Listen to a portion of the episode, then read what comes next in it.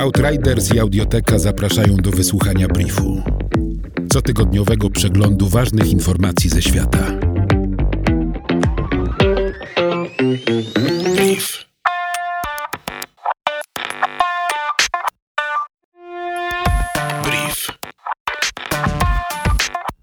Według najnowszych badań 54% wyroków skazujących wydanych w Stanach Zjednoczonych jest błędnych i spowodowanych nieodpowiednim działaniem władz rządowych, 34% uchybieniami policji, a 30% błędami prokuratorów. Niewłaściwe postępowanie dzieli się na zamierzone i niezamierzone i obejmuje ono m.in. manipulowanie świadkiem, nieodpowiednie procedury przesłuchania i fabrykowanie dowodów. Władze stanu Kaduna w Nigerii wprowadziły karę kastracji i karę śmierci dla osób skazanych za zgwałcenie dziecka poniżej 14 roku życia. Winny zgwałcenia osoby powyżej 14 roku życia również zostanie poddany kastracji, a następnie karze dożywotniego pozbawienia wolności. Nowe prawo jest następstwem gwałtownego wzrostu liczby zgłoszeń gwałtów w Nigerii w trakcie pandemii koronawirusa. UNICEF wezwało władze Nigerii do rewizji wyroku islamskiego sądu dotyczącego skazania na 10 lat więzienia 13-letniego chłopca. Chłopak popełnił świętokradztwo, nieodpowiednio wyrażając się o Bogu podczas kłótni z kolegą. Wyrok zapadł w stanie Kano, gdzie stosuje się prawo szariatu w sprawach cywilnych i karnych, w których stroną są muzułmanie. Kara dożywocia będzie grozić kierowcom w Wielkiej Brytanii, którzy spowodują wypadek ze skutkiem śmiertelnym w wyniku przekroczenia prędkości, będąc pod wpływem alkoholu lub narkotyków, ścigając się lub korzystając z telefonu komórkowego podczas jazdy. Kara ta dotyczy osób, które ukończyły 18 lat.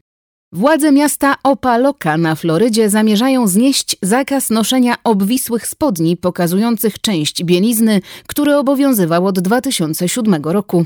Zatwierdzenie zmian wymaga drugiego czytania podczas obrad Rady Miejskiej. Pozostałości prastarych, bogatych przyrodniczo lasów europejskich wymagają natychmiastowej ochrony przed zniszczeniem. W Europie lasy pierwotne to mniej niż 4% istniejących obszarów leśnych.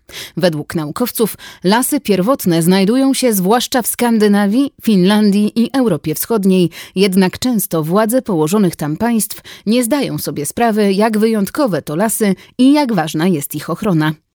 Badacze z Black Rock Forest w stanie Nowy Jork używają strzelb jako taniego i skutecznego sposobu zdobycia liści z drzew. Strzelają do wysoko położonych gałęzi, które następnie opadają na ziemię.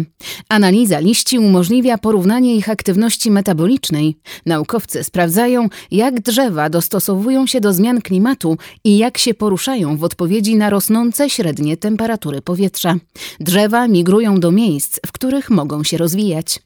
Występujące w Australii drzewa z gatunku Dendrocnide excelsa dorastają do 40 metrów wysokości, a ich liście pokryte są kłującymi włoskami, działającymi jak igły do zastrzyków. Ukłucia powodują silny ból, który może utrzymywać się przez wiele dni.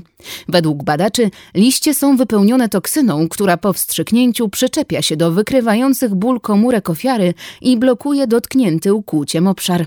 Jej struktura molekularna przypomina węzeł, co pozwala toksynie na splątanie się i wielokrotne atakowanie receptorów bólu u ofiary. Toksyna jest bardzo podobna do tych wytwarzanych przez jadowite pająki, skorpiony i stożki morskie morskie ślimaki w celu obezwładnienia ofiary. Brief Outriders.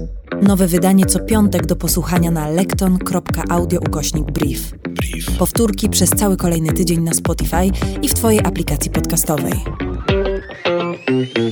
Brief.